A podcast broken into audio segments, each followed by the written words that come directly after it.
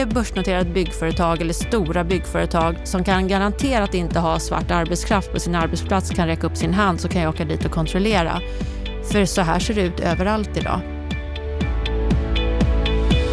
Det finns hos alla bolag fusk, kriminalitet, illegal arbetskraft och det bara ökar.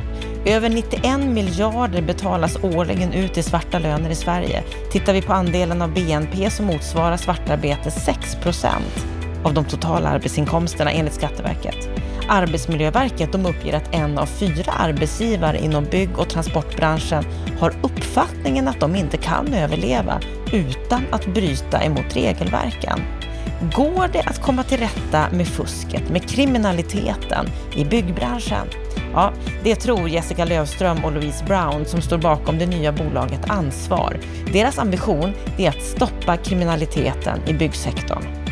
Varmt välkommen till Bopolpodden då vi den här gången ska prata om detta angelägna ämne. Jag heter Anna Bellman och efter det här samtalet så kommer du att få Lennart Weiss kommentar på det hela.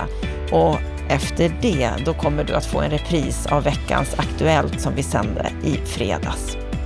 Jag hoppas att du har satt dig väl till rätta eller är på väg någonstans för det här programmet, det vill du lyssna på koncentrerat.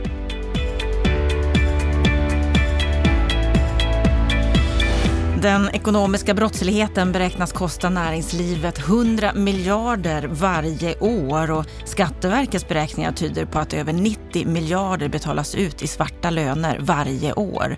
Men mörkertalet tros vara stort och att byggsektorn står för en stor del av detta, eller i alla fall en betydande del, ja, det är det många som är ense om. Nu har det nyss startats ett bolag för att stoppa kriminaliteten i byggsektorn. Varmt välkomna till Bopolpodden Jessica Lövström och Louise Brown. Tack. Tack. Vad är er sinnesstämning idag? Om jag börjar med dig Jessica. Eh, nej men i, i, idag, alltså generellt privat så är den bra, men för branschen och för samhället i stort så är jag oroad för hur det ser ut. Och just när det gäller kriminaliteten, ja. när det gäller korruption och fusk. Ja, precis. Den är enormt stor idag. Den är större än vad de flesta kan som greppa hur stor den är. Mm, vi ska försöka göra det mm. idag. Louise, vad är din sinnesstämning? Väldigt positiv, får jag säga i kontrast till Jessica, men samtidigt så är jag positiv därför att jag känner väldigt starkt att vi kan göra mycket. Mm. Och ni har alldeles nyligen startat, lanserat ett bolag, Ansvar. Vi ska komma tillbaka till det om en liten stund. Där du, Jessica, är senior advisor, grundare av bolaget. Mm. Du har varit verksam i byggsektorn i mer än 20 år. Mm. Började din bana inom bemanningsbranschen och började att hyra ut byggnadsarbetare innan någon annan gjorde det. Du var en pionjär i branschen 2000 och har tilldelats flera utmärkelser genom åren, bland annat Kungliga Patriotiska Cellringslivsmedelskapets näringslivsmedalj. Ja. Årets bråkigaste kvinna ja. har också varit. Ja, du ler. En, en ära att få ja, den. Den är jag jättestolt över. Varför då? Ja, men för jag hade bråkat och kämpat i så många år med att få till liksom en, en bemanningsbransch i byggsektorn och hade väldigt mycket bråk ska jag säga med fackföreningen Byggnads. Eh, och sen så kom vi till ett samförstånd och idag är vi ju bästa vänner, vi och Byggnads, så kanske i sånt fall mer, mer bråkar med Svenskt Näringsliv och, och byggföretagen. Eh, så att den resan jag gjorde under de åren från att Byggnads hatade mig och absolut inte ville ha ett kollektivavtal till att vi fick till ett kollektivavtal sju år senare och att vi idag är goda vänner och sen få den utmärkelsen, det, det var stort. Men det krävdes lite bråk? Det krävdes lite bråk, ja. Du har också koppling till Stoppa svartjobben, den fonden. Ja. På vilket sätt? Eh, det var jag som initierade den och det gjorde vi för många år sedan när vi började se att det här kriminella är inte lite utan det är jättestort, eh, den kriminella sektorn. Och eh, försökte då hitta sätt och metoder för att, för att dämpa eller få ner den. Men jag ska säga att den har ju istället eskalerat. Så om man tittar lite tidigare så var det ganska mycket småskuttar som var småkriminella. Eh, och det vi ser sedan 2015 och framåt, det är en stor organiserad kriminell verksamhet, alltså en internationell Eh, Som har ökat? Som har ökat enormt. Alltså, jättemycket, verkligen. Kan du säga hur mycket? Nej, men jag kan säga på om du tittar på byggarbetsplatserna idag och så tittar du på de som är utstationerade eller utsända. Eh, jag har inte granskat ett endaste utstationerat bolag eller som har utsänd personal där man gör rätt. Eh, sen är kriminaliteten olika, allt ifrån att man har illegal arbetskraft till att man kanske inte betalar ut den lönen man ska. Då är det ju eh, brott mot utstationeringslagen och brott mot skattelag och så vidare, skattebrott. Så att den är ju olika grov. Men, men inte någonstans så gör man rätt. Om man tittar på de stora byggprojekten idag så är det majoritet av utstationerad personal.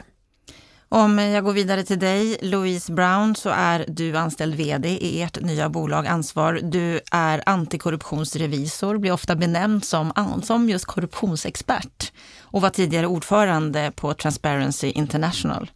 Du har också skrivit en bok som heter Den skenhelige svensken, korruption utan konsekvenser. Och en titel som anspelar på att Sverige har ingen korruption. Det stämmer bra. Det var det resonemanget som fördes för drygt tio år sedan. Min bok kom 2014 och eh, var resultatet av reflektioner. Jag har bott 15 år utomlands i väldigt eh, korrupta marknader, stora utmaningar när man stiger in och ska sätta upp bolag. Kom hem till Sverige och kände igen vissa sätt. Hur vi jobbar lite under radarn ibland och drar i nätverkskontakter och har problematik med jäv. Sådana saker. Så att jag skrev den med den titeln eftersom jag ville få fram en tydligare debatt kring att vi har korruption i Sverige och hur det går till. Och jag tror att sedan dess, sedan de åren som har gått här nu, så är ljudet i skällan helt annorlunda. Att det finns en annan förståelse Det för finns, att det finns en helt annan förståelse och den har delvis också drivits fram av en rad internationellt uppmärksammade korruptionsskandaler såsom Telia. Och sen har vi haft vår beskärda del också ute i landet i olika kommuner så att det har kommit upp och vi förstår att det är en del av utmaningarna i samhället som vi måste ta itu med. Om man jämför med internationella mått mätt så ligger vi ändå rätt bra till. Jag tror vi är på fjärde plats nu. Det stämmer bra. Sverige ligger väldigt bra till eh, internationella jämförelser. Men det betyder inte att vi är korruptionsfria. Eh, som en liten passus, eh, Transparency International har ju varje år en publicering av ett index eh, där 100 är bäst. Inget land i världen har över 90 poäng i dagsläget, så Sverige ligger under den gränsen också. Så att eh, även om vi så att säga är bra så finns det problem och de kostar och de har konsekvenser med sig på många håll. När du släppte den här boken så stod det att du ville göra upp med det svenska näringslivets dubbelmoral.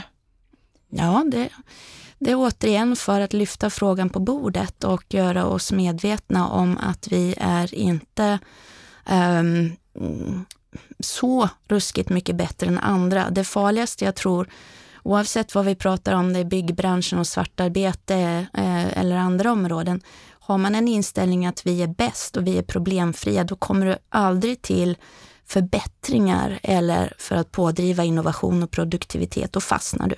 Mm. Det stod också när du släppte den här boken att du er, har erkänt att du har betalat mutor i Kina. Det stämmer. Vad är det för mutor? Eh, min karriär började inom marknadsföring och eh, sälj i Kina i stora infrastrukturprojekt i mitten på 90-talet. Och eh, det handlade om att vi, det bolaget då, ville såklart attrahera media, journalister och återsäljare så att det var upplägg där vi hade otroligt omfattande representation och det var gåvor och liknande, det var en del av hela det maskineriet. Och det var inget som jag tyckte var, eh, alltså jag mådde riktigt jäkla dåligt av det. Kan du förstå att det förekommer för att kunna göra affärer? Det förekommer självklart. Men har du förståelse för? Jag har en förståelse för det i så måtto att det är ett etablerat arbetssätt. Det betyder inte att det är rätt. Och det arbetssättet eh, påverkar konkurrensen. Ingen vinner på det i längden. snarare tvärtom, verkligen. När boken kom ut, och du sa det i en intervju att efter boken har kommit ut så har den vanligaste frågan varit hur vågar du skriva om det här? Ja, eh, och återigen, det har hänt mycket sedan dess. Eh, men det är ju så att vem tar bladet från munnen? Eh, vem vill lyfta saker som kan uppfattas som obehagliga? Därför att om man konstaterar att vi har problem, då är andra sidan av det myntet, varför? Vem är det som kanske inte har gjort tillräckligt? Varför har vi inte bättre processer? Och då behöver kanske vissa skydda sig och säga att ja, men vi gjort så gott vi har kunnat, men det var inte tillräckligt. Så att det blir lite känsligt ibland. Mm, ibland, eller ganska ofta? Ganska ofta, men återigen, eh, förnekar man förbättringspotential så gör man sig själv en otjänst. Och jag tror att hela tankesättet är annorlunda idag. Mm. Vad var anledningen till att du Jessica initierade ert nya bolag Nu Ansvar?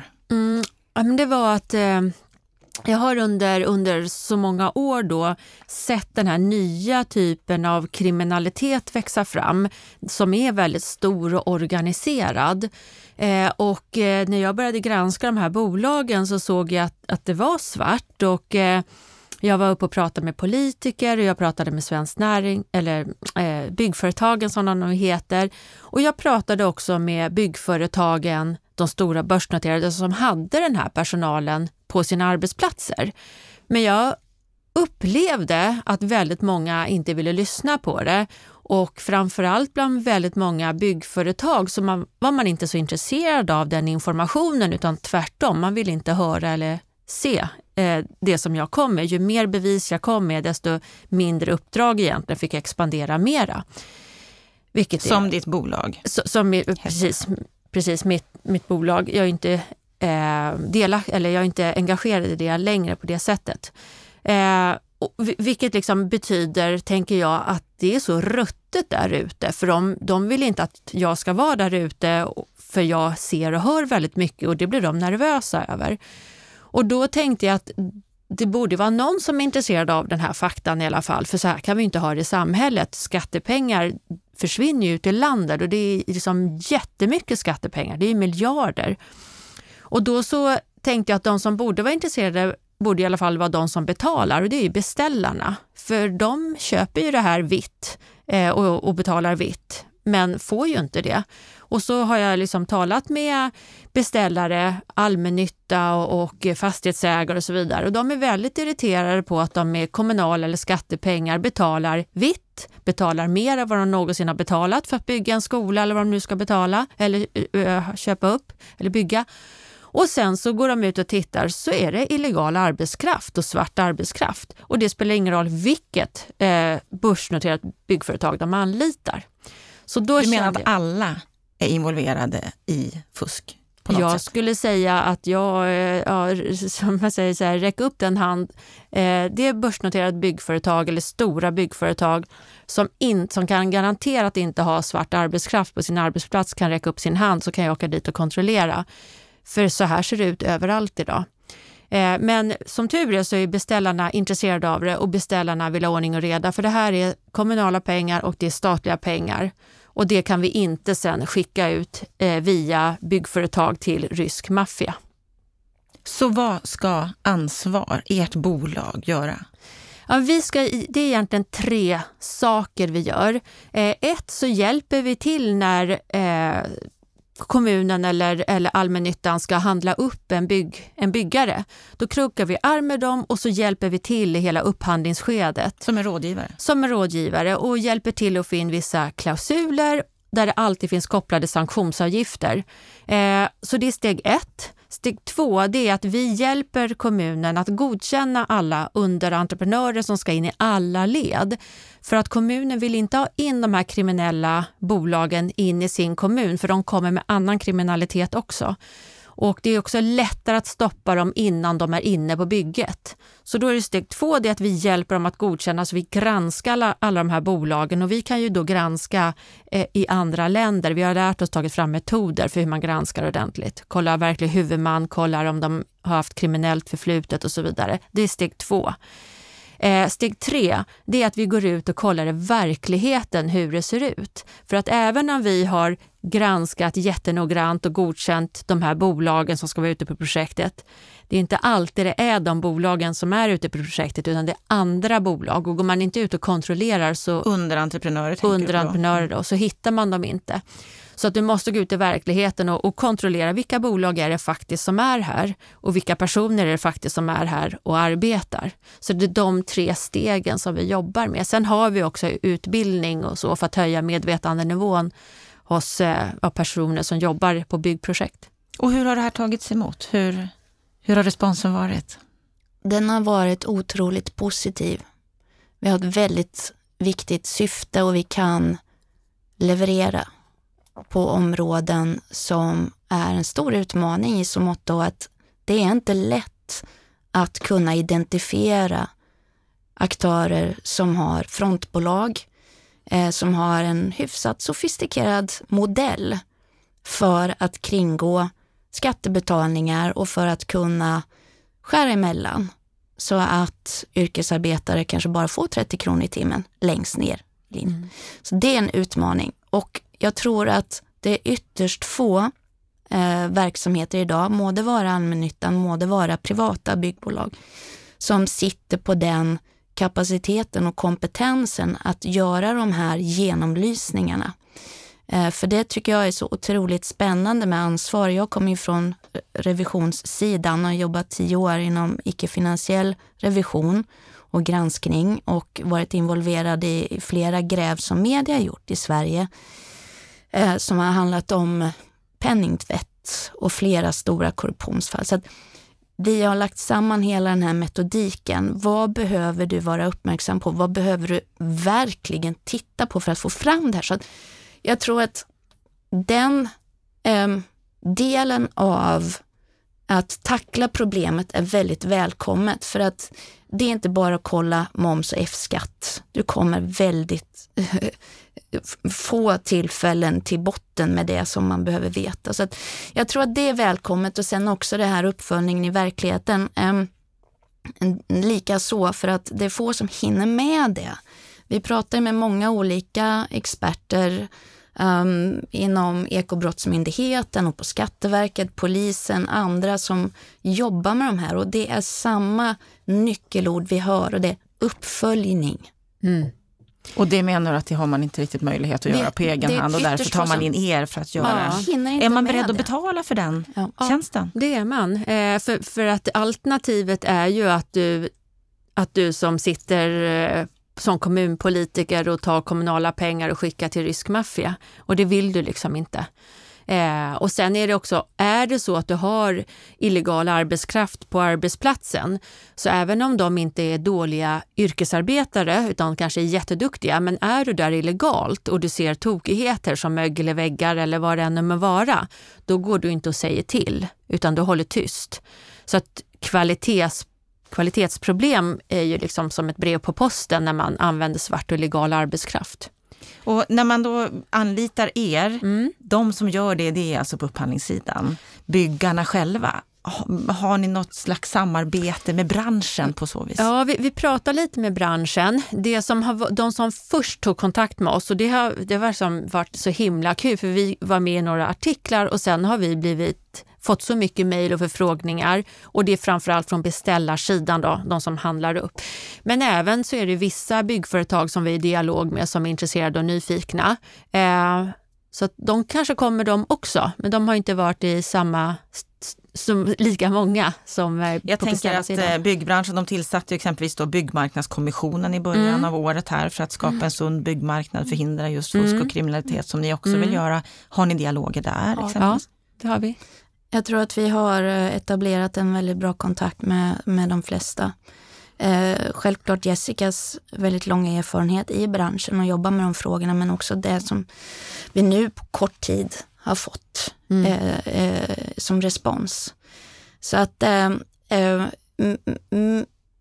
min devis är att det finns alla möjligheter att ta tag i detta. Ta in hjälp, få kunskap, utbildning och få det här gjort ute på byggarbetsplatserna. Det är ytterst lite som talar för att man kan sitta och blunda. Alltså det går inte. Mm. Det, det, det, är väldigt svårt att motivera det. Men jag tror det är någon som jag pratat med som sagt att ja, men vi bara litar på allting. Eller ja, men vi måste pressa priserna. Mm. Det är en sån här som förklaring, men ja. samtidigt kan du inte bygga en affär på att du pressar priserna till den grad att du måste ta in illegal arbetskraft. Mm. Det är ohållbart. Mm. Eller det här tillit. Ja, men vi jobbar med tillit. Ja, men, ja, okay. Tillit är jättebra, men kontroll är bättre. Du måste ju veta, framför allt när du handhar liksom skattepengar, tycker jag, då måste du veta vart de här pengarna går någonstans. Så att det är jätte, jätteviktigt. Om vi tittar på hur fusket ser ut. Vi sa här inledningsvis att ett stort mörkertal, vi vet inte exakt mm. hur stort fusket är.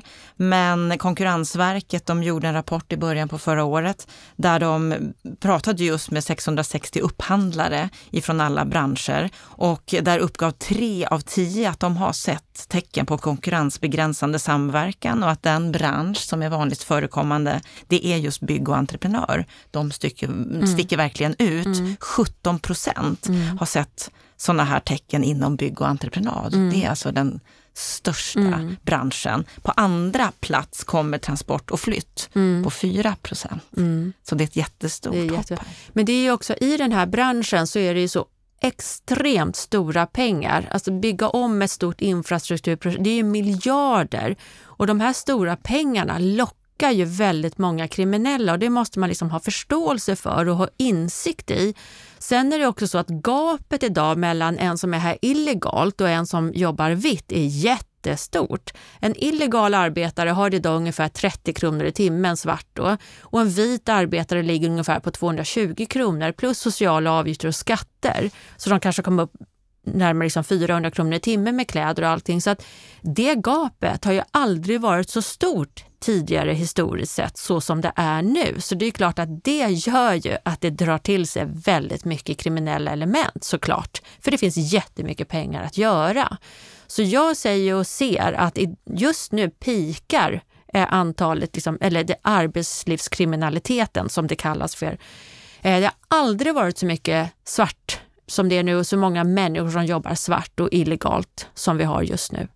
Det låter ju helt osannolikt. Det är det. det alltså när det, det, vi har en situation när vi pratar om ja. hållbarhet, social ja, hållbarhet, precis, att vi ska ha en och, välfärd som fungerar, ja, för det är våra pengar. Det är våra säger. pengar, också lite när man öppnar ögonen.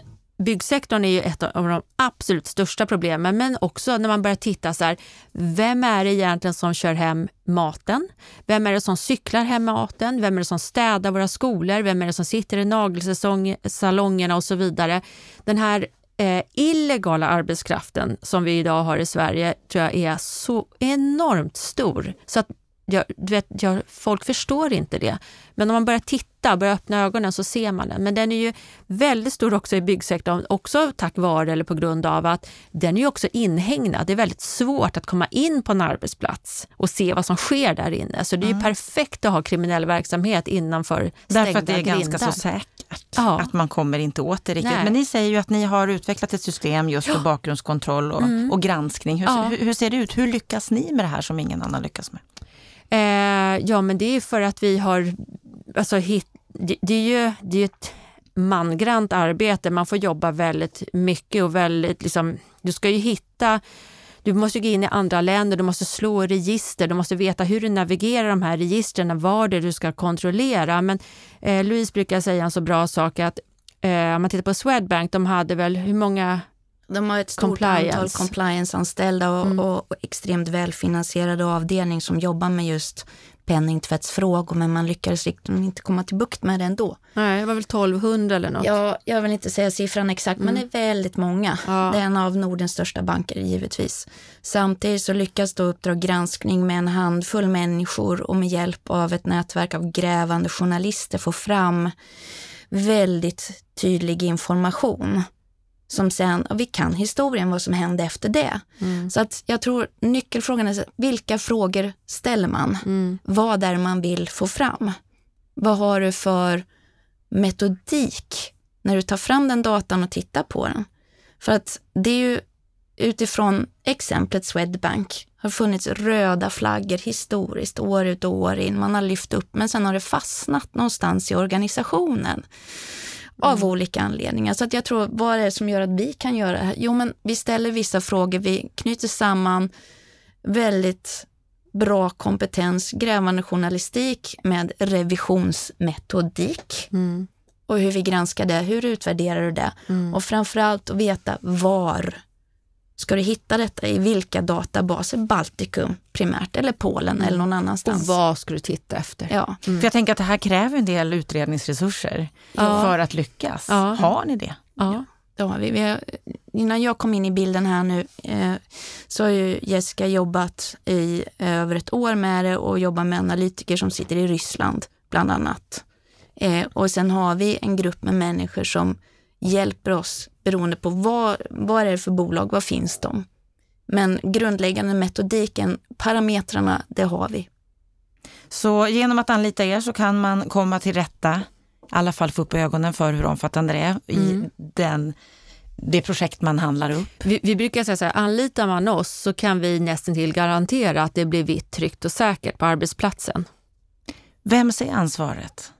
Att vi ska komma till rätta med det här eskalerade mm. problemet som ni har beskrivit här? Juri, alltså juridiskt, om man tittar juridiken så är det glasklart att ansvaret ligger på bygg, eller huvudentreprenören. Det är där ansvaret ligger. Det är de som handlar upp, selekterar, gör urval, förhandlar och kontrakterar underentreprenörerna. Så ansvaret ligger där. Eh, men sen är det ju så att många beställarna tar ett större ansvar för att de ser att även om det juridiskt och avtalsmässigt ligger på huvudentreprenören så klarar de inte av att ta det ansvaret. De mäktar inte med och då är det många beställare då som hjälper till och stöttar med det ansvaret. Vi har ju nämnt vid ett flertal tillfällen här att det är våra skattepengar mm. som går helt mm. i fel fickor. Mm. Vad har politiken för roll? De har också en jätteroll och vi har ju jätteutmaningar eh, liksom, i myndigheterna med sekretesslagstiftning och så vidare. Där man, eh, om skattemyndigheterna är ute på ett bygge och, och, så får de inte informera ekobrott om det de ser om de inte gör en samordnad eh, eh granskning på det här bygget. Så att, det finns ju väldigt mycket att göra lagstiftningsvägen. Nu har ju vi ett parlamentariskt lite knepigt läge med minoritetsregering där man ibland fäller bara för att visa sin makt. Eh, så så det är ju problematiskt ska jag säga när vi inte kan göra stora reformer eller liksom ta stora beslut. Sen den andra delen är ju också att det är inte tillräckligt kännbart eh, om man begår brott. Och det är en fråga som har varit på tapeten länge.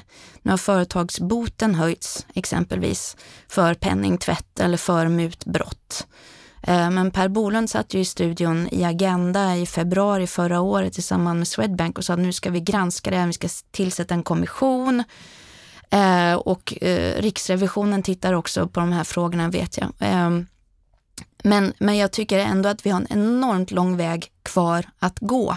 Därför att um, straffsatserna är inte avskräckande nog och jag tror att det är också en del i dilemmat när man gör upphandlingar, nämligen den att du sätter krav, men om man exempelvis hittar en underentreprenör som man inte har godkänt, vad händer då? Mm. Ja, men är det en, en, ett vite på 2000 kronor, 10 000 kronor, spelar det någon mm. roll?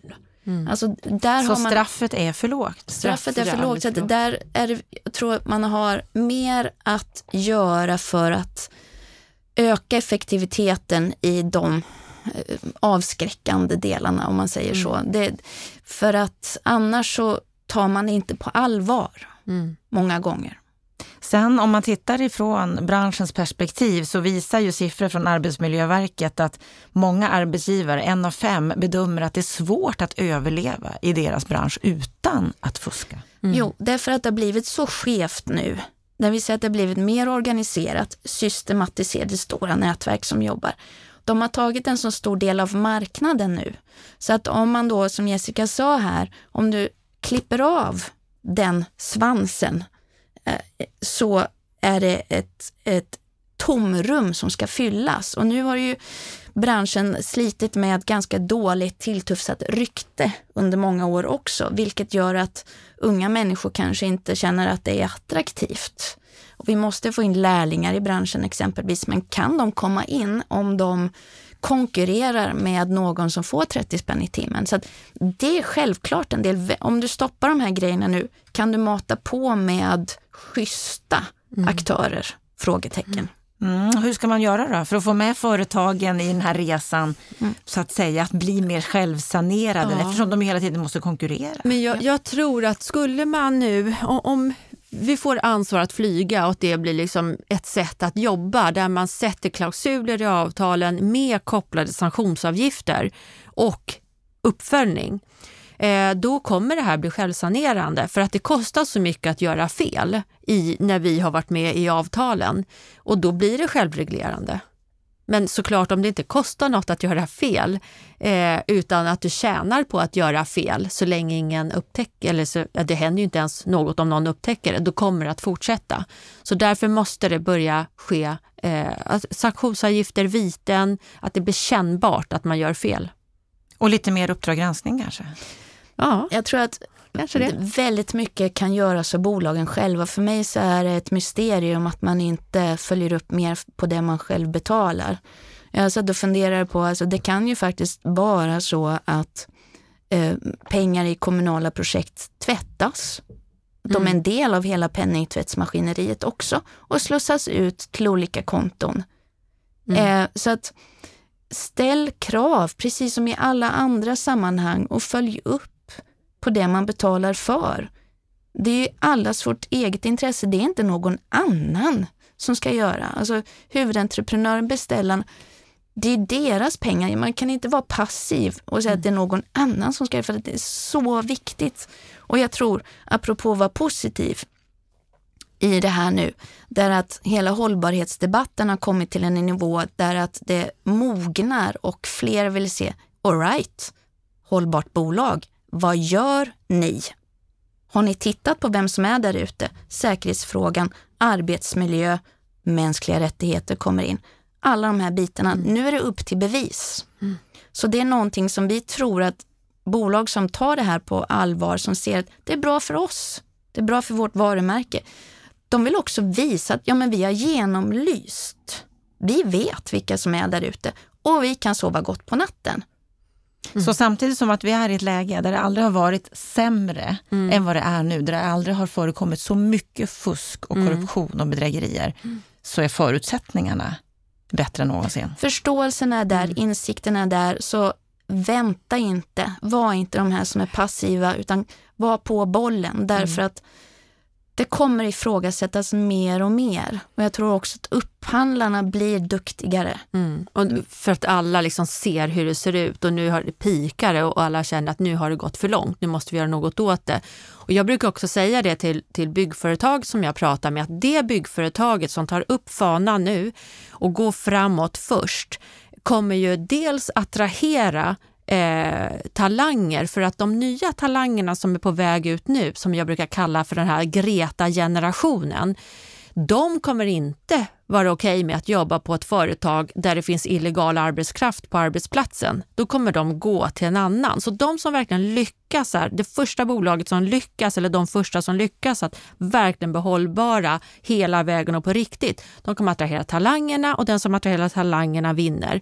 Sen kommer ju också upphandlarna vilja jobba med det bolaget och inte med de som ibland har illegal arbetskraft. Man vill ju jobba med de som är korrekta och på riktigt och gör rätt. Så att de, den som, de, och de, de och den som nu tar upp fanan kommer ju vara en klar vinnare i framtiden. Så det handlar om överlevnad, det de mm. själva säger att vi måste fuska idag för att ja. överleva. Men om man slutar och verkligen tar fanan, ja. då kommer det bli en överlevnadsfråga. Ja. Och fram tills dess att branschen är sanerad, då kommer ni att behövas. Ja. Jag tror man måste jobba med de här frågorna hela tiden. Det är precis som med vilken kvalitetsfråga som helst. Man gör det regelbundet. Eh, så att, och lika som med miljö. Alltså vi förbättrar oss hela tiden, man kan inte parkera. Det går inte att pausa och tro att vi har kommit hela vägen fram. Vi kommer mm. alltid behöva prata om de här oh, frågorna. Ja, absolut. Ja, och hur lång tid det tar innan branschen är självsanerad, det får vi se. Ja. Mm, stort lycka till framåt och tack för att ni besökte Bopolpodden, Jessica och Louise. Tack så mycket. Tack.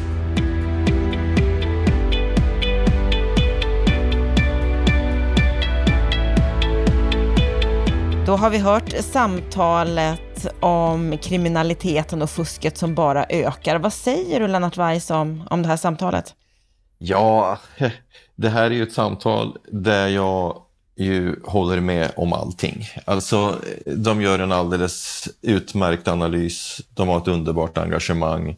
De ringar in problemställningarna på rätt sätt. Jag hoppas att det här företaget som Jessica och Louise har startat, Ansvar, kommer att bli framgångsrikt och det känns ju lovande och, och uppmuntrande att höra att de har fått bra gehör hos beställarna. För beställarna är en av de viktiga aktörerna i det här dramat som definitivt behöver kliva fram mycket, mycket mer än idag om vi ska få bukt med det här gigantiska problemet. Ja, det de är väldigt tydliga med är ju att byggbolagen inte har gett något positivt gehör. Och säger bland annat här Jessica att räcka upp handen, det är bolag som inte har illegal arbetskraft på något bygge. Är det så illa? Du som ju jobbar i ett byggbolag. Jag brukar ibland få frågan eh, om vi, eh, alltså lite sådär utmanande, men eh, har inte ni några problem med svart arbetskraft? Och, och, och, den frågan får jag lite sådär utmanande just därför att Veidekke sannolikt jämfört med de flesta bolagen i branschen ligger långt framme. Vi, införde en egen leverantörsbedömningskontroll 2012 redan i, i samarbete med facket, med Byggnads som, har ett, som vi har ett helt unikt samarbete med, där de kontrollerar våra, samtliga våra UE1 som vi säger, alltså underentreprenörer i första led mot fackliga villkor.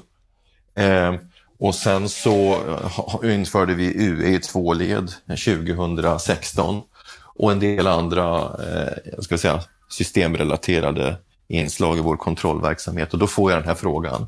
Och då brukar jag svara, du, jag tror att jag med fullständig säkerhet kan säga att vi någonstans i detta nu, någonstans i Sverige, har företag inne som antingen inte har F-skatt eller eh, kollektivavtal. Då, då har ju folk till. Ja, men hur kan ni ha det om ni har ett sånt eh, rigoröst och, och, seriöst arbete kring det här? Jo, av två, tre olika skäl som vi, ju, vi funderar en hel del på.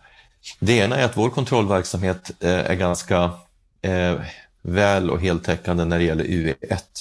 Men UE1, de ska i sin tur handla upp UE2 och även om vi bara tillåter UE2, det vill säga UE1 får inte han får bara eh, köpa i ett led till och inte ytterligare led vertikalt neråt, så är det uppenbart att våra UE1 brister när det gäller att kontrollera UE2. Så det är det första. Och sen det andra är ju att, eh, att den här verksamheten, branschen är ju väldigt fragmentiserad. Och eh, det betyder att eh, om, om, om vi tar ett projekt på 150-200 miljoner kan ha så mycket som 150 underentreprenörer inne. Och fundera på den siffran. Det gör att det inte är så där väldigt lättkontrollerat. Och i slutet på ett projekt, när det är stress att bli klar, då kan någon bli sjuk och då tar man in eh, något företag som man inte har hunnit kontrollera på rätt sätt. Eh, och sen är det vidare en lågmarginalsbransch. Folk tror ju att byggbranschen är väldigt lönsam, men det är en väldigt olönsam bransch mätt som resultat i förhållande till omsättningen. Man blandar ofta ihop byggbolag med projektutvecklingsbolag som har en helt, annan, helt andra redovisningsmått och som ju har väldigt höga avkastnings, eh, avkastnings, har väldigt höga marginaler i förhållande till, till eh, på det sättet man mäter där då, avkast, avkastning på eget kapital eller, eller projektmarginal eller hur man nu mäter det. Men byggbranschen tjänar ju en, två, tre procent på omsättningen. Och, med, och det här är ju ett sån... vanligt skäl som man hör, att, mm. att det är prispress, det är svårt att få till det mm. och därför behöver man använda sig av, ja faktiskt, otillåten äh, svart arbetskraft. Men är inte det ett ohållbart argument att det är låga marginaler? Ja, men eh, det jag skulle komma till det är att det är samtidigt en väldigt decentraliserad verksamhet där väldigt många beslut ligger långt ute i, i eh, organisationen. på platschefer, projektchefer som brottas just med de här eh, knappa marginalerna. De har ett hårt tryck uppifrån, de har en ganska liten organisation. Tänk dig alltså att här är grabbar och tjejer som inte alls är sådär supervälbetalda, som rattar projekt som har en omsättning som hela företag. Alltså en, två, tre, fyra, 500 miljoner. De tjänar ganska blygsamt betalt, eh, skulle jag säga, många av dem. Och så har de samtidigt väldigt tuffa avkastningskrav. Då uppstår det en lockelse att ta genvägar eller blunda med ena ögat för att du ska räkna hem ditt projekt. Därför att gör du inte det, då, då blir du liksom ingen hjälte. Va? Då, då, då får du inte de, de trevliga projekten framåt och du, du drabbas på bonusen och så vidare. Så att det finns alltså systemaspekter på det här som man ska veta om, men de förlåter ju inte det hela, inte på något sätt, utan branschen har definitivt ett mycket, mycket tydligt ansvar för att eh, komma till rätta med det här. Men jag kan samtidigt säga att branschen kommer inte ensam att klara av det. Och vad är det då som krävs för att detta ska bli bättre? Ja, jag kan ju säga att jag, jag håller just nu på med en ganska omfattande utredning av ett lettiskt företag som eh, vi har haft inne i butiken under några år och som vi i samband med en utbildningssatsning som vi gör internt just nu med Stoppa fusket eh, har haft som exempelföretag och tack vare Stoppa fuskets bakgrundsanalyser utav årsredovisningen i det här landet, vad, vad, företaget har redovisat i FOR, alltså det fackliga försäkringssystemet, i LÖSEN som är vårt löneredovisningssystem, vad man har redovisat för uppgifter i utstationeringsregistret, ID06 och så vidare, så ser vi plötsligt att det hänger inte ihop. Och det betyder att den här fasaden företaget har Eh, spelat upp för oss eh, eh, är inte korrekt och det kräver otroligt mycket utredningstid för att komma till botten med vad som är fakta. För när du konfronterar företaget så hävdar de ju att det är administrativt slarv eller att det är fel i det ena eller andra registret, att man redovisar på ett annat sätt i hemlandet än i Sverige. Och att ta reda på allt det här, jag kan tala om för att det är, jag har ju hållit på med bostadspolitik i 10, 20, 30 år. Det är komplext, men det här är banne med värre. För här har du svensk lagstiftning, du har europeisk lagstiftning, du har undantag för olika länder. Eh, du har olika administrativ mognad i de här olika länderna så att det är väldigt arbetskrävande. Och, och jag kan Menar säga du då att, att det är i princip omöjligt att komma till rätta med det? Nej, men jag, vad jag menar är att, att tro att varje enskilt företag ska kunna bygga upp en sån omfattande compliance-verksamhet, alltså efterlevnadsverksamhet, att man själv har den här utredningskapaciteten, det är helt omöjligt. Det kan, men vad, vad kan, borde politiken kan... göra för att det ska bli bättre? Jo, här måste alltså, där är, där är ju Jessica och Louise inne på ett riktigt spår. Beställarna måste ställa tuffa krav på branschen som helhet så att inte Eh, det skapas en marknad för en kategori företag som har gjort fusk som affärsidé. Beställarkraven är alltså väldigt viktiga, vilket betyder att de företag som har kontroller måste vinna på det, tjäna på det i upphandlingarna. Det gör man inte idag. Idag är det tvärtom så att de stora beställarna, inte minst ofta offentliga beställare som till exempel Trafikverket, de går ju bara på lägsta pris och de åker till och med ut i Europa och värvar, ursäkta mig, skitföretag som kommer hit och konkurrerar med låga löner och skatter som affärsidé. Bankerna måste bli duktigare att följa upp. Myndigheterna har en väldigt viktig roll Sverige är mycket, mycket sämre på myndighetssamverkan än, vår, än våra nordiska grannländer beroende på att det juridiska systemet i Sverige har en helt annan viktning utav sekretessaspekten än vad man har i andra länder. Man kan helt enkelt inte samköra register.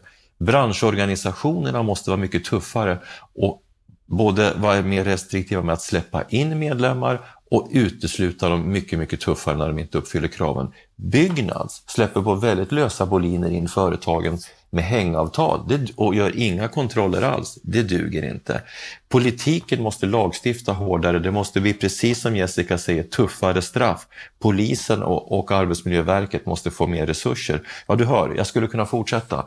Alltså, Men kan inte branschen det... göra någonting? Kan inte byggbolagen göra jo. någonting mer för att själva bidra till en bättre situation? Jo, men, det, ja, men jag säger inte emot det, utan jag menar ju att vi ska det. Eh, och jag skulle säga att att lite långsamt så börjar branschen eh, trampa igång. Jag tycker att det är Katarina Elmsäter-Svärd som ny vd för, för byggföretagen har tagit flera goda initiativ.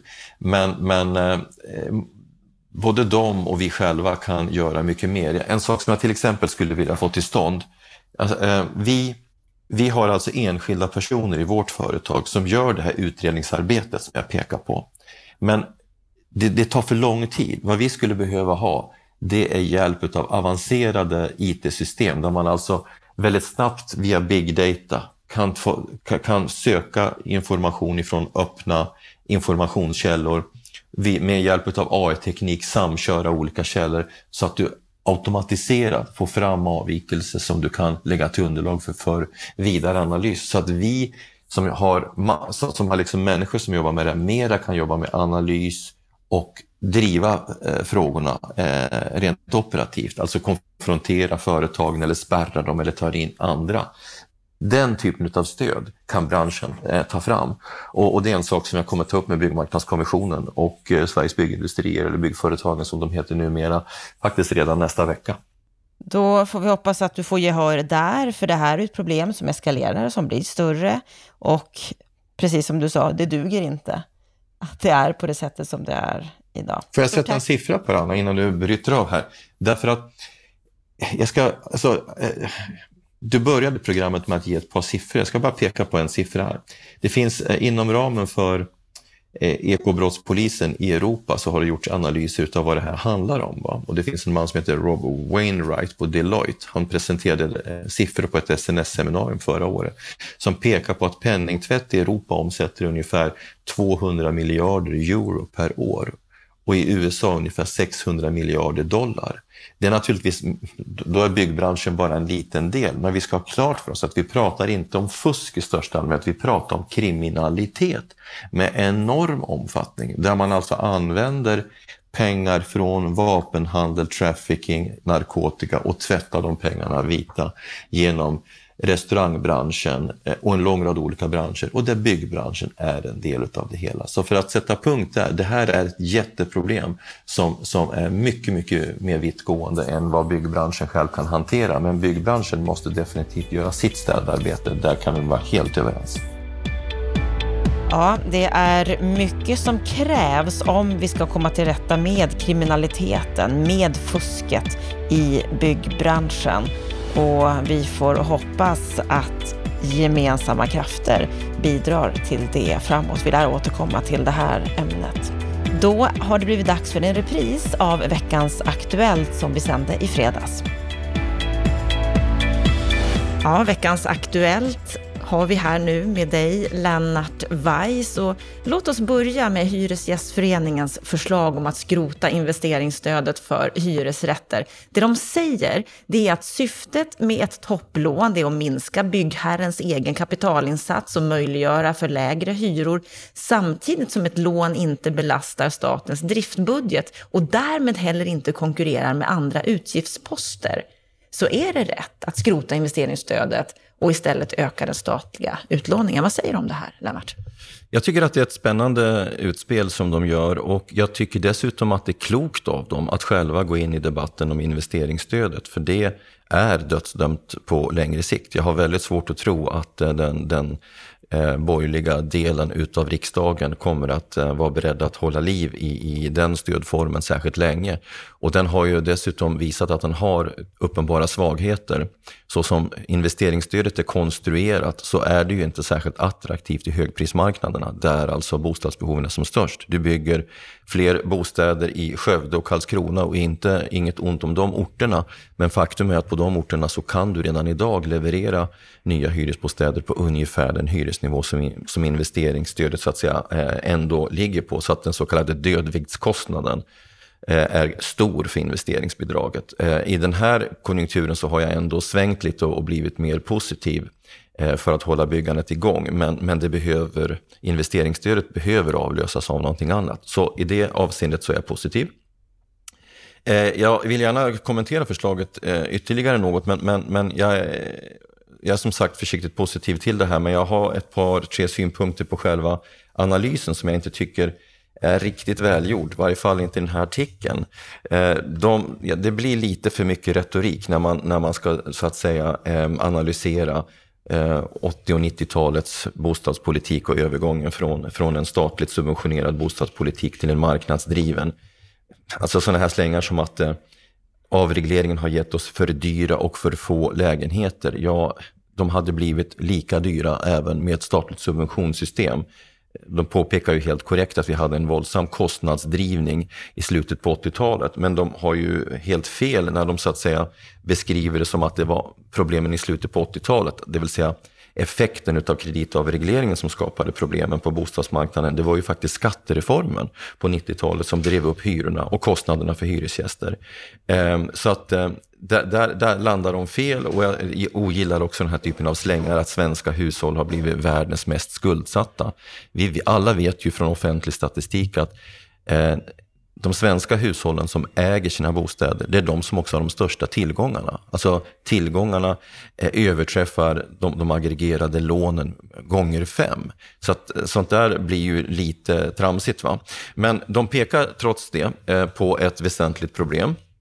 Och det problemet har med kapitalmarknadens funktionssätt att göra och myndigheternas eh, ökade fokus på risk. Och det resonemanget känner du igen från, från hushållssektorn så att säga. Va? Hushållen ska ha mer eget kapital när de går in i bostadsmarknaden och faktum är att vi har fått den utvecklingen också på den kommersiella sidan.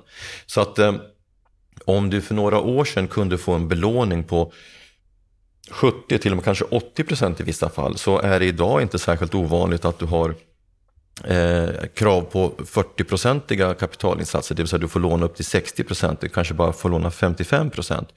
Och det gör då att balansen mellan lånat kapital och eget kapital blir annorlunda och det vet vi ju då från all, all, all erfarenhet att eh, eget kapital är dyrare. Det är liksom det kapital som är framskattat i det egna bolaget och då lägger man på en, en riskränta på den och det driver så att säga upp den totala finansieringskostnaden. Idén om ett topplån eh, Alltså, jag tycker namnet är väldigt illa valt och, och det har jag sagt i Hyresgästföreningen förut. Prata inte om topplån, utan använd istället det uttrycket som vi använder i S-arbetsgruppen eh, som levererade ett förslag om mellankapitalfinansiering 2008. Alltså prata om mellankapitalfinansiering. 90-talskrisen visade väldigt tydligt att det, är, det blir inte bra för en bostadsmarknad om, du inte, om, in, om inte aktörerna tar någon risk på toppen. Så topp finansieringen ska fortfarande finnas kvar med eget kapital, men behöver den vara så stor? Det är kärnfrågan.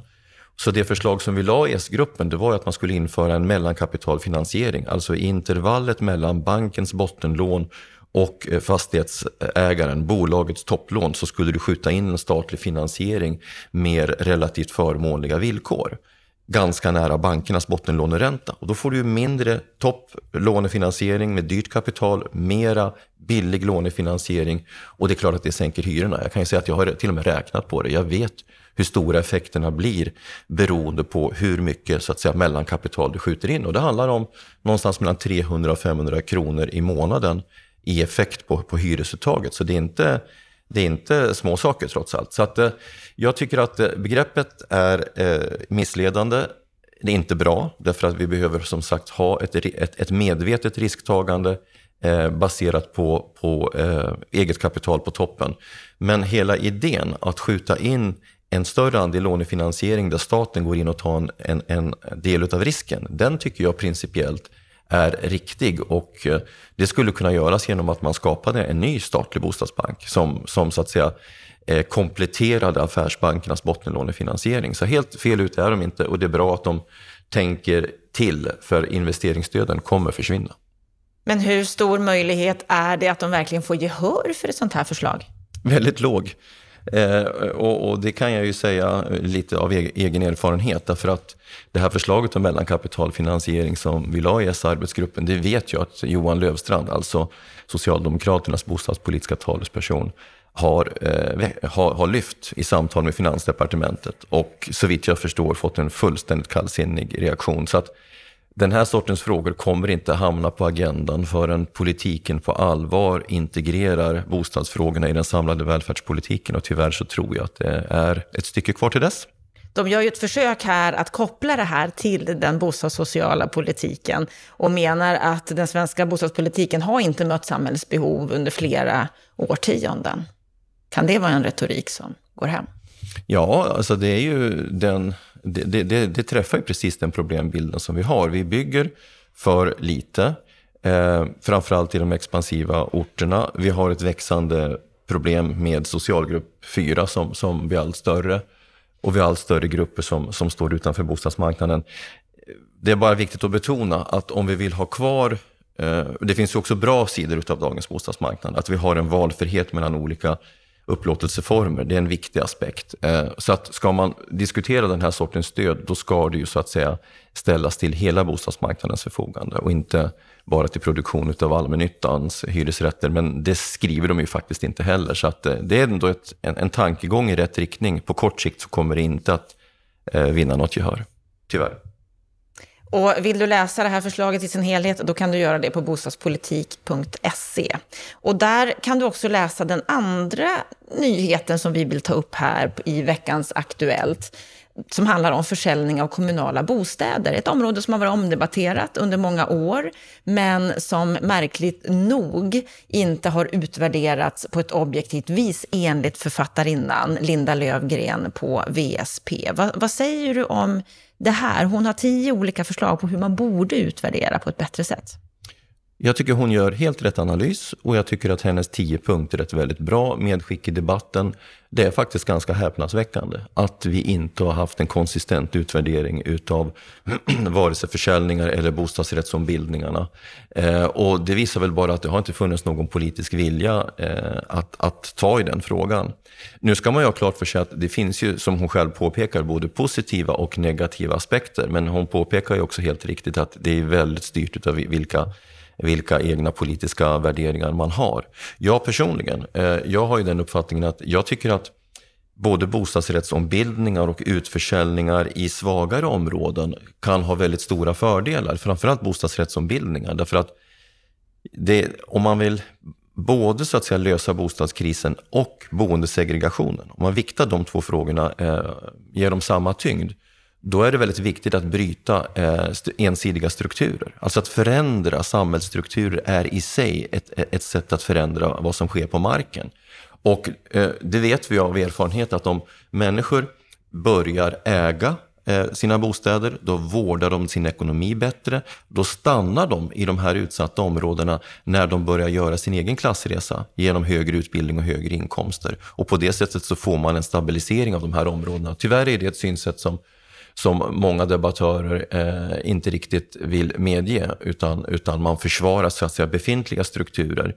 Å andra sidan så kan man ju då säga så här, motsatt, är det särskilt vettigt och bra att, att tömma till exempel innerstäderna på hyresrätter och ombilda allting till bostadsrätter? Nej, naturligtvis inte. Det får ju precis motsvarande problem. Va? Så att vill vi ha en, en blandad stad, en, en, en, eh, en blandad miljö, då måste vi liksom ha blandade upplåtelseformer eh, på alla ställen. Eh, och det är en sån här parameter som jag då tycker borde vara med. På, på vilket sätt befrämjar de här åtgärderna en, eh, en, en, social stabilisering i, i, olika lokala områden? Hur motverkar man eh, segregationen?